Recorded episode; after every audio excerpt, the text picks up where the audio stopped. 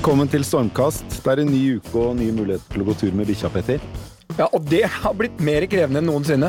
Sist jeg så deg, ikke sist, men eh, for ikke så lenge siden, så hadde du gått eh, løpt tur med bikkja og snublet inn i skogen og hadde skrubbsår i hele ansiktet, men, men, de er borte nå. Det går bedre med deg og Ødde. Ja, jeg har lært meg at eh, når vi, han er vant til å gå til høyre, ikke gå da til venstre ned den skrenten, for da snubler du over bikkja. En god leveregel. Ja. Er du bekymra for denne sykdommen som har rammet en del hunder? Men jeg er bekymra. Altså, jeg er jo sannsynligvis Jeg bør ikke si, men jeg er mer bekymra for Øbbe enn for barna mine. De kan jeg tross alt ha en i hvert fall tidvis vettug samtale med hvis de blir dårlige. Men jeg er bekymra for Øbbe, og jeg vurderer faktisk det at jeg, jeg syns det er Jeg har tenkt på det når Jeg kan jo ikke ta med Øbbe til Sverige, blant annet, og Gunnar er ute ut og reiser. Og da er jeg aleine. Da er jeg aleneforsørger for Øbbe. Eh, og nå må jeg faktisk gjøre om på hele kalenderen min. Eh, så det burde jo vært et system for eh, hundepappaer, eller hundemammaer, som får dette aleneoppdraget. Så jeg vurderer faktisk nå, snakker, nå da skal vi snakke om politikk, mm. Og stille et parti neste gang. Sånn ensaksparti. Mm. Hundepappaer er også pappaer. Eh, mm. for eh, full hva heter sånn, Du får sånn eh, Du kan ta fri fra jobben når bikkja er dårlig. Mm. Sånn at du kan ringe inn til Choice-kjeden og si 'hei, det er Petter, du beklager, jeg kan ikke komme i dag, jeg må være hjemme'. Vi ligger foran der sånn. Uh, vi er jo det mest hundevennlige hotellselskapet i hele Norden. Ja. Bare sånn til orientering. Okay, men hun, at det er reklame, det er it's a fact. Hundepappaer er også pappaer. Kunne jo vært et eget parti. Uh, dette har jo vært et kommunevalg med en god del uh, ensakspartier, eller i hvert fall det som er definert som ensakspartier. Uh, og så vi kan forstå litt mer av valget, så fant vi ut at det var på tide å slippe noen voksne til i studio, Petter. Dette var en for stor oppgave for oss alene. Så da har vi fått to av de aller eh, smarteste hodene innen eh, norsk politikk, som er å oppdrive, nemlig Kristin Clemet, som leder eh, Tankesmien Civita. Velkommen, Kristin. Takk skal du ha. Og så har vi invitert deg, Jan Erik Larsen, tidligere statssekretær for Jens Stoltenberg i Arbeiderpartiet. Du eier eh, kommunikasjonsselskapet Kruse Larsen, er jo også eier i Storm Communication, som også Petter og jeg er i. Vi må få med det for habilitetens For habilitetens skyld, og hvis, hvis noen lyttere da syns at vi behandler deg ekstra pent i studio i dag, så vet dere hvorfor. Men ikke gjør det, da. Nei, da, så, så, nå er du fritt vilt i studio. Men dere, eh, kommunevalget har jo vært eh, eh, Det har jo vært et spennende valg, har det ikke det? Eh, som, Istedenfor at vi skal legge, munn, legge, ord i munnen på dere. Kristin, Eh, hvordan vil du beskrive dette kommunevalget? Eh, altså, det var jo spennende, men det er kanskje ikke så sjokkartet som noen fremstiller det. For at uh, Poll of Polls, som er et sånt nettsted hvor de publiserer sammenligner, eller gjennomsnitt av målinger osv., de traff nesten på desimalen. Mm. Uh, og det traff ganske bra i forhold til gjennomsnitt av meningsmålingene, og det traff de trendene vi så i 2017. Så egentlig er det ikke veldig, veldig overraskende, men det er klart at det er en del interessante ting her som skjer. Uh, er, vi må kunne karakterisere det som et protestvalg. Det dreier seg om sentrum og periferi, og det dreier seg om bompenger og motstand mot bompengemotstand. Klima har kommet høyere på, eh, på dagsordenen. Og så ser vi et mer sånn oppsplittet bilde blant partiene. ikke sant? Det man kaller styringspartiene, men da tenker man gjerne på Høyre og Arbeiderpartiet, blir mindre, mens det blir flere partier, og fløypartier og ensakspartier og nisjepartier får større innflytelse. Og det er jo noe som, som er spennende å tenke på når vi skal frem til nasjonale valg. Er styringspartier et ord som mer og mer blir en anakronisme? Eh, kanskje, men Og, og det, jeg vet at noen blir fornærmet over å høre på det. For at eh, når man bare snakker om Høyre og Arbeiderpartiet som styringspartier, så er det jo litt fornærmende. Fordi det er jo mange andre partier som har sittet i regjering. Senterpartiet og KrF har jo hatt statsministeren. Men det man eh, mener med det, er at det er partier som er eh, relativt store, sånn at de tar en ledende rolle, da i, i brede koalisjoner, og at de er kjennetegnet av at de er opptatt av helheten, som man sier, og at man avveier ulike hensyn og interesser, og at det ikke er én sak som går foran alt hele tiden. Og jeg mener, og disse såkalte styringspartiene, Høyre og Arbeiderpartiet, har jo også vært kjennetegnet av en sterk vilje til å inngå kompromisser opp gjennom historien, og det er faktisk et ganske vesentlig kjennetegn ved det man kaller den nordiske modellen, nemlig at vi har et sånn konsensusdrevne politiske institusjoner. Bare se på England og USA. Det er krig hele tiden. Mm. Sånn at vi har vært veldig heldige på den måten. Og hvis de mister veldig mye innflytelse, og det blir veldig mange små partier, så tror jeg at evnen til å danne styringsdyktige flertall og ha en viss stabilitet og forutsigbarhet, den svekkes, og det er tror jeg ikke borgerne liker i det lange løp, og jeg tror i hvert fall ikke næringslivet liker det. For det som står øverst på næringslivets ønskeliste bestandig, det er jo forutsigbarhet. Ja. Og den, det, det å bli omtalt som et styringsparti var jo i gamle dager den hellige gral for politiske partier. Mm. I dag ser jo det mer og mer ut som en svakhet. Er det det, Jan Erik? Nei, men eh, Det interessante er jo at de såkalte styringspartiene da har vært eh, i stand til å ta opp i seg mange strømninger i samfunnet og eh, finne gode kompromisser internt i et parti. Eh, Arbeiderpartiet er jo en eneste stor koalisjon, har vært det siden andre verdenskrig. Der finner du uh, sterk innvandringsskepsis og, og, og, dem som vil ha 10 000 uh, flyktninger fra Syria. Der finner du dem som vil ha industri og oljeutvinning og full fart. Og så har du AUF som vil ha avvikla olje- og gassindustrien i 2035. Så Arbeiderpartiet er en eneste stor koalisjon, og det gjør jo at det er det partiet som nå står overfor de største strategiske utfordringene. Ellers har jeg lyst til å kommentere på det Kristin sa om at dette ikke var veldig sjokkerende, det øh, har hun helt rett i. Men jeg mener likevel at dette valget er grensesprengende, og det er skjellsettende. Det er et gjennombrudd for klimasaken, ordentlig gjennombrudd for klimasaken på den nasjonale politiske agendaen. Dette har vært et lokalvalg, øh, men når vi nå f.eks. har større valgdeltakelse ved dette lokalvalget enn ved tidligere valg, så tror jeg det bl.a. skyldes at vi har hatt en ganske oppheta eh, nasjonal diskusjon ikke minst om klima og om bompenger. Den har, tatt, den har tatt utgangspunkt i lokale forhold, men det har blitt en, eh, en, nasjonal eh, diskusjon. Klimasaken er etablert, det er det ene som er grensesprengende. Jeg tror de gamle båndene mellom velgere og parti, som jo har vært veldig sterke, de fikk sin første, eh, sin første ordentlige prøve ved EF-valget i 72, ved EU-valget i 94, og jeg tror det valget her har forsterka det forholdet. Velgerne er mindre og mindre lojal og bestemmer seg senere og senere og styres mer og mer av enkeltsaker, og kanskje også av følelser. Uro, frykt, til dels aggresjon.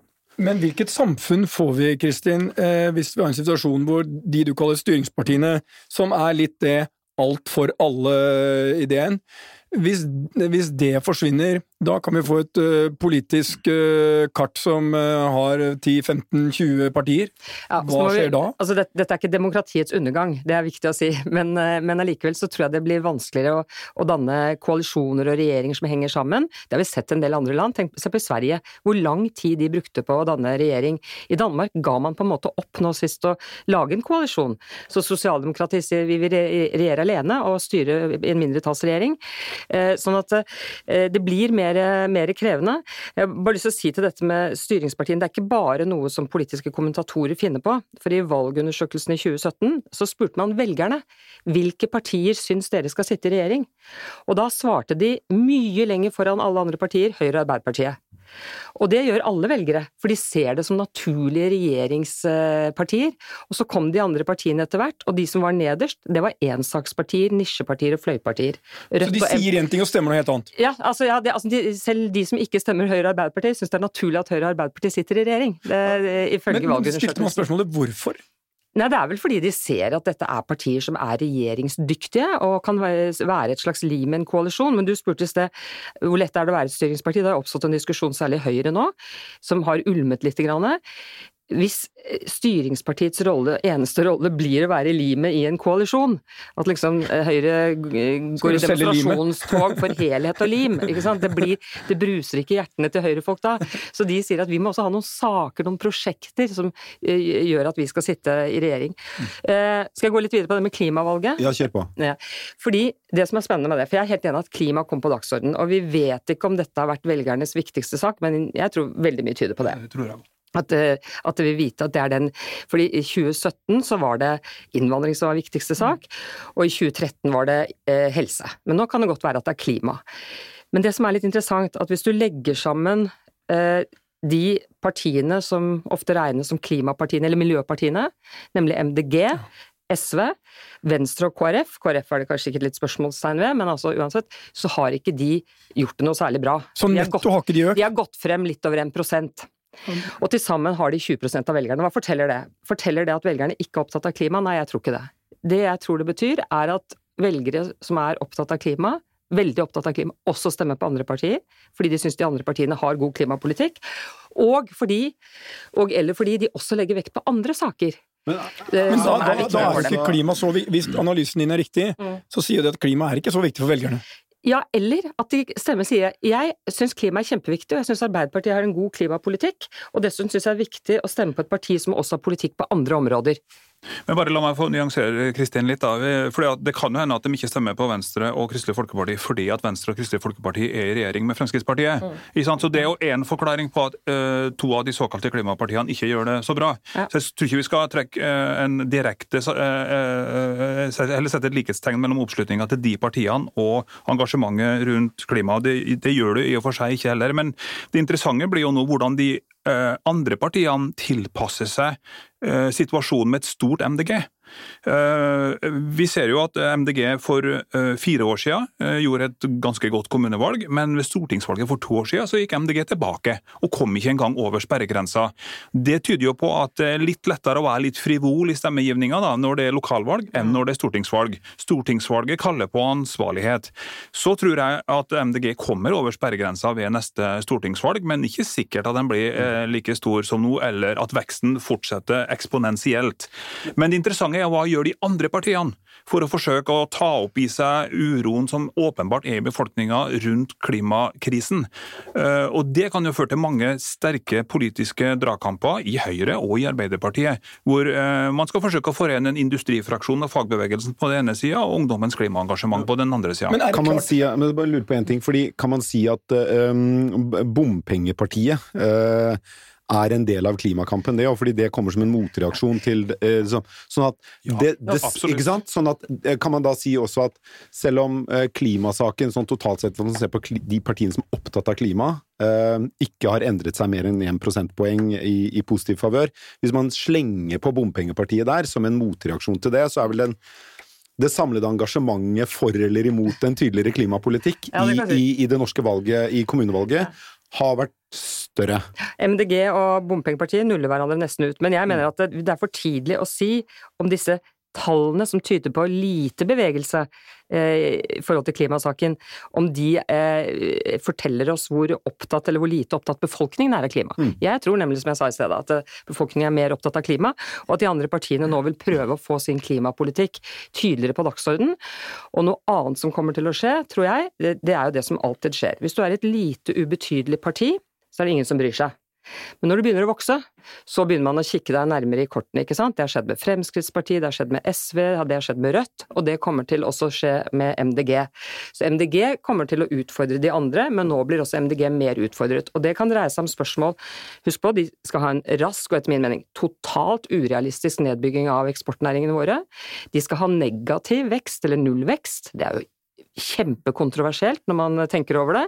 Ja, også kalt galskap. Og de, har, de, og de, har, som eneste parti ikke tatt ordentlig stilling til EØS og EU. Bare for å nevne noen saker som er veldig viktige. og når de blir større, mer betydelige, kanskje skal inn i regjering, ja, det, så vil dette for, være saker som journalister ja, og kommentatorer og, og konkurrentene er opptatt av. Men konflikten her ligger jo at uh, hvis de virkelig mener noe på klima, så er kanskje EU det eneste logiske uh, valget. Men hvis du ser på menneskene som kanskje er der, så er det å ikke være der eh, det eneste sånn og, og, kanskje, og Hvis, hvis meningsmålingene vi har nå slår til i 2021, så vinner jo de rød-grønne, ikke sant? Og da vil altså vi ha Senterpartiet, SV og Rødt. De er motstandere av EØS og vil melde Norge ut av EØS. Arbeiderpartiet vil ikke det. Arbeiderpartiet kan være svekket. Da kan det være ganske betydningsfullt hva MDG mener. Og, og bare sånn lite sidespor her, Per, jeg vet du ikke liker det, men eh, vi kan snakke mye om Sverige. Men det er én ting Sverige har som er ekstremt viktig. Det er forutsigbarhet for næringslivet og de er, de er, veldig flinke til å holde på det. Um, og du bør ikke bekymre deg mye over hva som skjer i Sverige. Men det er klart, med de ting du drar opp der sånn, det er all grunn til stor bekymring i Norge hvis vi er på vei ut av EØS. Og Garantistene for stabilitet for næringslivet, garantistene for stabilitet på mange andre helt fundamentale områder i kongeriket, EØS-avtalen, eh, medlemskapet i Nato og veldig mye annet har vært at Høyre og Arbeiderpartiet tross alt har hatt flertall i Stortinget sammen. Så det er en slags eh, nødknapp du kan trykke på hvis det går helt over styr. Jo, men Det interessante nå er jo hvordan framveksten av alle disse protestpartiene og ensakspartiene påvirker de to store styringspartiene, i hvilken retning de da blir dratt. Og blir de dratt i retning av en politikk som gir mindre forutsigbarhet for næringslivet? Det er jo en åpenbar uh, fare. Ellers er det bare, hvis vi skal fortsette bitte litt til på, på, dette med Miljøpartiet De Grønne Det viktige som valgforskerne er opptatt av, er jo hvem som har såkalt sakseierskap. Det måler man, ikke sant? Hvilket parti mener du har den beste politikken på dette området som du er opptatt av? Uh, og da vil det nødvendigvis være i forhold til dem som er opptatt av å få gjort noe med klimakrisen. Eh, og jeg tror jo sannsynligheten er stor for at eh, Miljøpartiet De Grønne vil ha sterkest sakseierskap på den saken i eh, neste stortingsvalg. Og Dermed så ligger de an til å gjøre et godt valg. En av forklaringene på Venstres store problemer er at de ikke har sakseierskap til et eneste politisk område. Altså Det er ikke ett eneste politikkområde som er viktig for velgerne, der de peker på Venstre som det partiet som har den beste politikken. Heller ikke klima- og miljøpolitikken, som var et trumfkort for Men Venstre. Men er det også en effekt av sånn anti-establishment, anti-elite, anti de som store og tradisjonelle? Uh, ja, det er det nok. Jo, det, er det, det, ser vi i andre land. Ja, ja, men det, det, ser vi i andre land, så, så, det er det nok. Men det er på ulike måter. altså Det er ulike typer av eliter. Det er liksom ikke én elite man protesterer mot, for å si det sånn. Og det er klart at uh, veldig interessant trekk ved dette valget er jo det som skjer sånn sentrum-periferi-dimensjonen. Og der tror jeg vi må si at det er to ting man uh, så å si protesterer mot. Det ene er sentrum, både i politisk forstand, altså i overført betydning og bokstavelig talt. Og det andre er sentralisering. Og, og det blir også spennende å se fremover fremover. fordi en vakker dag skal jo Senterpartiet i regjering igjen, og man kan vel ikke si at de har pekt på så innmari mange løsninger. De har ført en glitrende valgkamp. De har sagt vi har et problem, det er sentralisering, og vi har en løsning, og det er Senterpartiet. Eh, men så skal jo den løsningen eh, liksom Og her er dette For det vi står overfor her, det er reelle dilemmaer. Det ene er en urbanisering som politikerne ikke kan gjøre så veldig mye med, og det andre er hvordan skal politikerne gi oss de best mulige tjenestene? Når vi har digitalisering, når vi har en enorm teknologisk utvikling, hvor mange sykehus skal vi ha? Hvor... Så dette er reelle politiske dilemmaer, og så kan man gjennomføre reformer godt eller dårlig, men det er klart at de dilemmaene de forsvinner ikke selv om Senterpartiet kommer i regjering. Men det, men det Senterpartiet lykkes med, Kristin, som jeg tror er en viktig forklaring på det hele, som jeg tror mange politikere kunne lært av, det er at de eh, har forstått at det handler om å se verden og se de problemene velgerne ser, mm. mer enn at du nødvendigvis har fasiten, oppskriften og løsninga.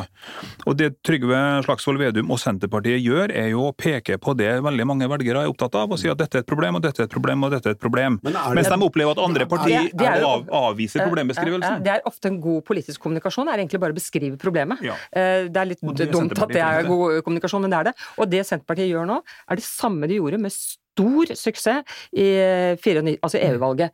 Da, da ja-siden, som jeg tilhørte, eh, kom på banen, så var Anne Inger Landstein nesten ferdig, hun. Altså, for hun hadde reist rundt og lyttet til folk, og uh, startet med møter med syv mennesker i Nord-Norge. ikke sant? Hun hadde gjort jobben, gjort jobben, og vært ute og lagt øret på bakken. Og det er vel det Trygve Slagsvold Vedum også har gjort. Er det det velgerne også sier til disse styringspartiene, at ja, vi, vi syns egentlig det er dere som burde sitte i regjering, det er dere vi stoler på hvis det virkelig er en krise, men dere må skjerpe dere på disse og disse sakene. Frp, dere må liksom ta en tydeligere posisjon på bompenger, eh, og være mer på, på, parti med han som kjører bensin, et bensinsluk i, og trenger å kjøre det på bygda. Arbeiderpartiet, ta dere sammen på klimasaken. Er det egentlig det velgerne sier? Ja, jeg tror det. Og når de finner frem til det igjen, så Klar beskjed fra kjøkkenbord og arbeidsplasser til politikerne i mange partier om at dere må forstå at det vi tar opp som problemer, det er akkurat det Trygve Slagsvold Vedum snakker om. Dere andre snakker ikke om det. Dere avviser vår opplevelse. og Dermed så blir det veldig, en veldig avstand mellom eh, velgerne og, og dem som skal eh, velges. Og Det har heller ikke vært større politisk forskjell noen gang, tror jeg, mellom Oslo og resten av landet. Mm. En ekstrem eh, forskjell i partipreferanser, i velgeratferd, mellom Oslo og resten av landet. Og Det kan også være med å forsterke den kløften som mellom, okay. mellom sentrum altså, og periferi. Betyr det, at, betyr det at eh, det er i, i stor grad opp til Arbeiderpartiet og Høyre å å ta imot velgernes beskjed og tilpasse seg dem? Kommer de i så fall til å gjøre det? Og liksom ta inn over seg flere av de sakene som har engasjert mange velgere sånn at disse ensakspartiene blir mer skvisa ut? Det er jo tradisjonelt eh, det de eh, har gjort og greid, disse såkalte styringspartiene eller store, brede folkepartiene. Eh, så jeg tror nok de vil forsøke å gjøre det, men problemet deres er, og det det problemet både Høyre og Arbeiderpartiet, Arbeiderpartiet kanskje i noe større utstrekning, det er at de er splittet i noen av disse viktigste sakene. Ikke sant? Klimasaken eller innvandringssaken, så er deres velgere mer splittet enn velgerne til Frp eller Senterpartiet, da, som er mer samlet samlet om sine kjernesaker. Så det er dilemmaet for disse store partiene, at det er så brede koalisjoner. For det er egentlig det, Mitt neste spørsmål er det Er det eh, sånn man skal være forsiktig med å kanskje avskrive liksom, etablerte konstellasjoner i politikken og i andre sammenhenger, men er det sånn at styringspartiene som er opptatt av felles løsninger, kompromisser som kan omfatte mange, står overfor en mer langsiktig utfordring fordi fellesskapet er ikke lenger der? Kanskje på en annen side så tror jeg, hvis det kommer kriser Altså, nå kan vi si at vi har en klimakrise, men jeg tror nok mange i Norge likevel føler at det går ganske bra i Norge, og at vi er ikke i ferd med å gå under, liksom. Men hvis det virkelig kommer en krise, en økonomisk krise, man kan tenke litt på finanskrisen, eh, kanskje flyktningkrisen, kanskje olje Da tror jeg man tror jeg man, kanskje styringspartiene igjen vil få større oppslutning. Fordi eh, velgerne stoler på at de greier å ta affære i det. Og, liksom, og, og, jeg tror noe av det som påvirker velgerne veldig i vår tid, det er egentlig hvordan regjeringer håndterer det uventede og det er veldig vanskelig som kommer. Altså jeg tror Da, da Jens Stoltenberg vant valget i 2009, tror jeg det skyldtes bl.a. en veldig god håndtering av finanskrisen. Mm. Det tror jeg du har rett i. Men jeg bare har lyst til å si at det er, det er en faktor som eh, politikerne har problemer med å forstå, og som partiorganisasjonene heller ikke finner helt ut av. En av forklaringene på det er at de norske partiorganisasjonene, i hvert fall i Arbeiderpartiet, og sikkert også i Høyre og andre partier, er ganske gammeldagse strukturer. Mm. Som er veldig tungrodd, og som, uh, som, bygger på helt andre prinsipper, styringsprinsipper og fortolkning av sin samtid enn en moderne organisasjoner eller tenketanker eller bedrifter for den del. Så, og Dermed så greier de ikke helt å ta inn over seg det som skjer, og de greier det ikke raskt nok. De greier ikke å absorbere samfunnsendringer. Og Det som skjer nå, er at veldig mange av disse politiske skillelinjene skillelinjene som før gikk mellom partiene, de går nå tvers gjennom Arbeiderpartiet. Fordi at de følger andre eh, politiske preferanser. Det handler mye mer om verdispørsmål, som innvandring, som klima, som vekst og vern, som liberal eller tradisjonell, som internasjonalt orientert eller nasjonalistisk. Det her, de, de gamle partiorganisasjonene og, og, spesielt Arbeiderpartiet, som jeg kjenner godt, er ikke rigga for å forholde seg til det like raskt som endringene skjer i velgermassen. Og dermed, ja. Og Dermed så skjer det ting som partiene ikke greier å svare på. For det burde jo vært sånn, uh, hvis du ser på Erna, hun sitter der, og så ser hun det at bompengepartiene plutselig får fotfeste, MDG får fart, Senterpartiet får fart. Det jeg ikke forstår, med det handlingsrommet hun har for å bruke mer penger, og virkelig klemme til og møte de tidlig, og ta de og Kristin, du sitter jo nært inntil disse. Hva, hvorfor, hvorfor, gjør ikke det? Altså, Hvis jeg hadde sittet i min business og Torgeir hadde sett Oi, nå skjer dette, denne endringen. Nå er det plutselig 20% av alle ansatte i eh, Choice vil nå gå til Scandic. Altså, det hadde jo vært full fyr på hovedkontoret. Vi hadde jo tenkt hva gjør vi nå?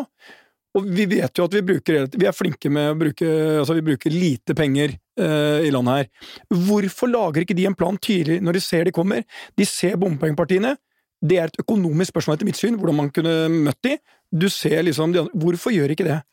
Altså For det første virker jo ikke da eh, politikken som en bedrift, ikke sant. Den er ikke så, du kan ikke bare ta en beslutning på den måten. Men det andre, det andre, det andre, er, det andre er at du peker jo egentlig på altså, eh, et problem med koalisjonen, at det blir veldig dyrt når mange partier skal altså, Så det ble jo dyrt, dette, ikke sant? Og skulle, det ble ikke så dyrt. La oss være ærlige. La oss være ærlige, vi bruker jo mer penger fra oljefondet noensinne. Ja, men samtidig, i forhold til handlingsregelen, så gjør vi ikke det. Det kommer mer penger inn nå enn vi hadde beregna. Eh, dette landet har mer enn nok av penger. Om de hadde brukt at det, prosenter betyr ingenting, Petter. Det er kroner og øre som betyr men, noe. Eh, men det interessante her er at det var veldig Å bruke 20-30 milliarder ekstra hadde ikke betydd noen ting. Men det, eh, ja, Der tror jeg det er mange som ikke deler din oppfatning. Men i hvert fall, eh, mange, mange så jo ikke dette komme. Og når man så det, så var det vanskelig å forstå hva det var. Altså Man kan si at den nåværende regjering har jo satset mer på samferdsel enn noen gang før dem. Helt grotesk mye, vil mange si. Har de satset på samferdsel. Og eh, i 2017 så var samferdsel regjeringens beste sak. Altså ikke partiene, men regjeringens beste sak. Så går det to år. og så er, det et, er de deep shit pga. samferdsel ikke sant? og måten det er gjort på. Og jeg tror eh, det som har skjedd her, hvis man ser litt tilbake, det er at eh, bompenger det var noe vi vanlige bilister tenkte på som vi betalte en andel av den veien vi kjørte på for at den skulle bygges. Og så har jo dette utviklet seg til å bli en mer enn alminnelig skatt som brukes til uh, veldig mye, og også til litt sånn ekstravagante ting. Så, uh, så dette er, kan også ses på som et sånt, litt sånn skatteopprør. Jeg syns det er litt interessant fordi at eh, i Norge har vi jo ordnet det sånn veldig smart fra statens side at vi ikke ser skatten vi betaler, liksom, for den er jo allerede tatt før vi får lønn. så vi merker jo på en måte ikke det. Men bompengene, det ser du veldig tydelig. Og så etter hvert så går det opp for deg hva de brukes til, og så får man et bompengeopprør. Jeg syns på en måte det er noe sunt i det òg. Fordi jeg kunne tenke meg at, vi hadde, at det var eh, mer debatt i Norge om hva vi betaler i skatt og hva skatten går til, og hvordan det offentlige bruker pengene. Eh, om de brukes effektivt osv. Så, videre. så det er noe sunt i det òg. Men politikerne så det veldig sent. Eh, Frøy Gudbrandsen, som er politisk redaktør i Bergens Tidende, hun mener jo at de så det i Bergen, men at det ikke var noen politikere som liksom reagerte ordentlig på det i tide. Men Skal vi se framover mot 2021, da? Yes, la oss gjøre det. Ja, skal vi gjøre det? Nei, jeg bare spør. Altså, jo, kjør på. Nei, det interessante er jo hva, hva skjer nå? Eh, hva har det valget her utløst i, hva kommer det til å utløse i de forskjellige partiene, og hvor går vi framover? Og Kristin er jo en langt større ekspert enn en meg på Høyre, men jeg, jeg, tror jo debatten i Høyre kommer jo til å handle om det Kristin pekte på i sted. og Jeg hørte Heidi Nordby Lunde i går sa det så veldig eh, morsomt ved å si at vi er limet i regjeringen, men ingen stemmer på et lim. Eh, og diskusjonen i Høyre vil vel være det, da. Profilering av egensaker kontra det å holde denne borgerlige koalisjonen sammen. Varslet, har det ikke det Den kommer, ikke sant? Eh, I Venstre blir det jo en diskusjon om politikk, men det blir jo først og fremst en lederdiskusjon. Jeg tror ikke Trine Skei Grande er kandidat for, topp, toppkandidat for Venstre i 2021. Eh, Kristelig Folkeparti er vel ganske fornøyd med tingenes tilstand, og de har nå vært gjennom tidenes eh, maratonrunde med, med, veivalg, så de blir der de er, tror jeg. Det kommer ikke noen opprivende diskusjon der. Så tror jeg Fremskrittspartiet kommer til å ha en helt reell diskusjon om de skal fortsette i regjering eller ikke. Og Min spådom er at de går ut av regjeringa før valget i 2021. Skal vi ta hele rekka? Arbeiderpartiet står foran utrolig krevende diskusjoner eh, når det gjelder veivalg eh, i forhold til klima i forhold til distriktspolitikk eh, og i forhold til økende forskjeller. For SV og Rødt tok velgere på den saken, Senterpartiet tok Arbeiderparti-velgere på distrikt, og Miljøpartiet De Grønne, spesielt i Oslo, har tatt Arbeiderparti-velgere på klima. Der kommer Arbeiderpartiet til å måtte gjøre vanskelige, krevende, smertefulle veivalg. Og så kommer vi til det spennende, vet du. Senterpartiet. Maktpartiet par akselans i norsk politikk, og som nå har et brakvalg bak seg. Hvor er de etter 2021? Kan det tenkes at vi får en situasjon der Fremskrittspartiet går ut og Senterpartiet kommer inn og sitter i regjering sammen med Høyre, Kristelig Folkeparti og Venstre? Det er i hvert fall spennende å leke med tanken. Jeg tror det er farlig å avvise at Senterpartiet eh, eh, kunne ha gjort det. Man må aldri avvise noe som helst når det gjelder Senterpartiet. Og Senterpartiets eh, svar på det kan vel fort bli eh, avhengig av MDGs valgresultat. Og så vil de se hvor godt Arbeiderpartiet gjør det. Ja. Å ha en, en kamerat som ikke gjør det bra, er ikke så kjekt. Nei, Jan Erik, du var jo, du var jo uh, en av de nærmeste rådgiverne til Jens Stoltenberg i flere år, og uh, satt dag og natt og diskuterte strategier og taktikker med ham. Hvis du nå var det for Jonas Gahr Støre, velgeren som ikke engasjerer noen, ser det ut til, og som har en hel haug med konflikter internt i partiet, både personalmessig, sånn Trond Giske-saken som er, fremdeles er en verkebyll, og mange andre politiske saker som river partiet i filler, i hvert fall ser det sånn ut fra utsiden. Hva ville du sagt til Jonas Gahr Støre nå? Uh, uh, uh, nå er det stor forskjell å være på innsida og på utsida. Mm. det, var defensiv, det, var en defensiv, start. Det du, det du vet, tror, vi forutsetter at det er det, det du vet, vet på innsiden. Det er veldig enkle fakta. For eksempel, det er en helt klar og lineær sammenheng mellom Arbeiderpartiets oppslutning blant LO-medlemmer og om man vinner valget eller ikke. Jeg tror Jonas Gahr Støre fortsatt ikke har noe valg. Han må legge partiet der at han treffer flere av LOs medlemmer, og da må han evne å beskrive problemene slik de ser ut for LOs medlemmer. Og Det tror jeg, det tror jeg betyr at, at klimasaken blir øh, krevende kanskje noe på distrikt, men det er økonomiske forskjeller eh, og, måte, og måten Arbeiderpartiet møter det på, som, som eh, kommer til å avgjøre om LO-medlemmene stemmer på dem. Og, og, dem. og, Jonas er helt avhengig av at LO-medlemmene stemmer men, på Arbeiderpartiet. Vil du si at Jonas, du blir statsminister i 2021? Ja, Jonas, tror du det? Ja, det, det, tror jeg det er sannsynlighetsovervekt for. Nå kan vi ikke sammenligne kommunevalg og stortingsvalg, men hadde vi putta kommunevalget nå inn i beregningsmodellene for stortingsvalget, så hadde de gamle rød-grønne koalisjonspartnerne hatt 88 mandat på Stortinget og et klart uh, flertall. Og Jonas Gahr Støre har ingen utfordrere i Arbeiderpartiet, sjøl om Arbeiderpartiet nå har gjort et uh, dårlig valg. Han håpa å komme over 25, så datt han så vidt under, heldigvis etter at TV-sendingene var slutt, så han kunne kommentere på 25% eller 25,1, og fikk applaus for det. Han har ingen utfordrere i Arbeiderpartiet, det er ingen som er samlende nok. Hadde det vært det, så kunne det kanskje kommet en diskusjon også om lederskap i Arbeiderpartiet, men eh, Jonas Gahr Støre kommer til å lede Arbeiderpartiet. Og det er jo størst sannsynlighet for at de rød-grønne partnerne fra forrige gang finner sammen dersom de får flertall ved neste valg. Og igjen, det er sannsynlighetsovervekt for at det blir flertall for de ved neste valg. Men Senterpartiet er alltid en X-faktor.